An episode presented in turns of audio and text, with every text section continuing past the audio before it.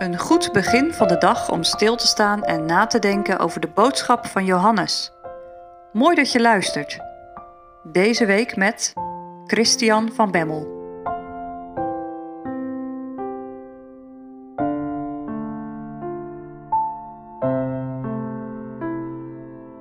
Fijn dat je weer luistert.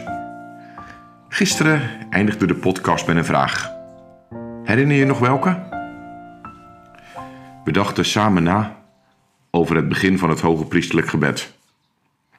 Het gebed van de Heer Jezus, waarin hij als de hoogste priester bidt. Tot zijn vader, voor zijn kinderen. Hij was in lijden. Hij wist dat zijn leven op een einde liep. En hoe? Dat bezet hem. Hij is ook mens. Met opzien en beven. Een paar uur later zou hij zelfs bloed zweten van angst. En dan bemoedigt hem dat dit de manier is waarop miljoenen mensen, een ontelbare schare, het eeuwige leven zal ontvangen. En dit is het eeuwige leven dat zij u kennen. Maar ook dat zijn vader de eer zal krijgen.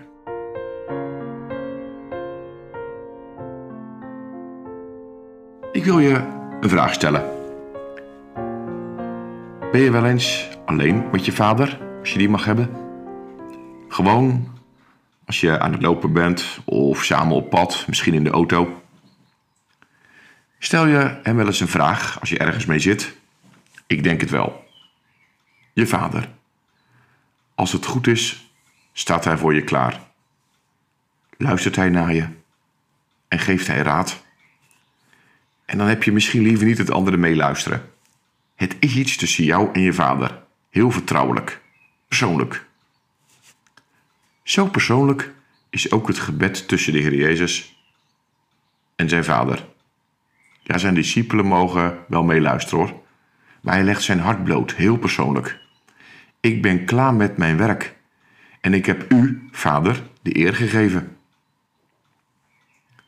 Het levensdoel van de Heer Jezus was om steeds de wil van zijn vader te doen.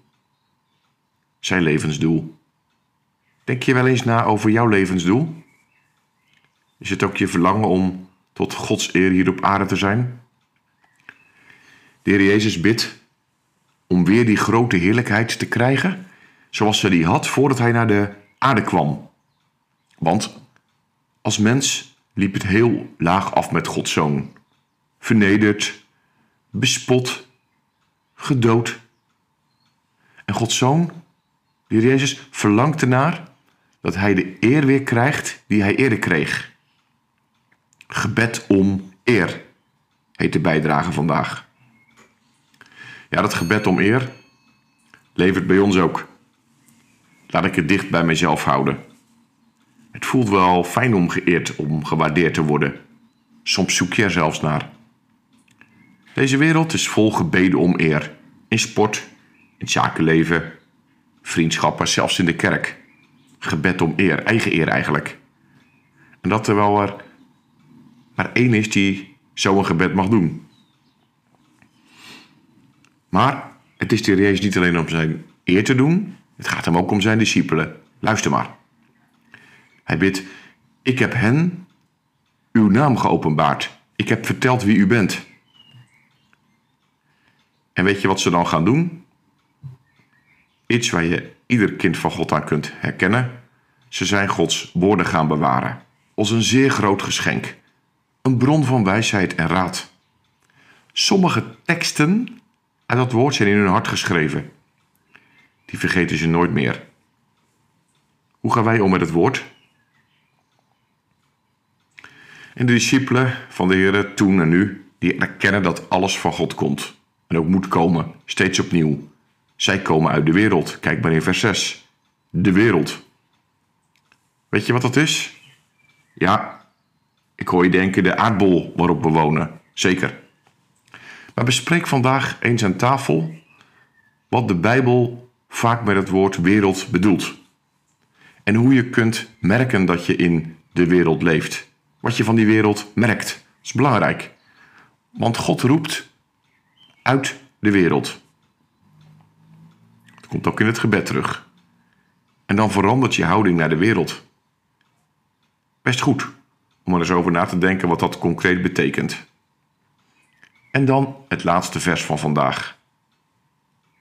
Daarin herhaalt de Heer Jezus dat zijn kinderen zijn woord hebben ontvangen, bewaard en het hebben geloofd. Hoe belangrijk is dat? Het is de kern van het woord. Ik hoor een van zijn kinderen, een moorman, zeggen: Ik geloof dat Jezus is de Christus, de Zoon van de levende God. Ja, dat geloof kan zo klein zijn als een mosterdzaad, maar dat zal je voor eeuwig behouden. En je kunt het net leven van iedereen in je omgeving, maar zonder dat geloof zul je voor eeuwig verloren gaan. Het gebed om Gods eer is onmisbaar hier. Maar toch stopt het gebed op aarde een keer. En dan zal er voor alle discipelen het juichen tot Gods eer beginnen. Mijn blijde tong zal roemen in de Heer. En alle vlees zal juichen tot Gods eer.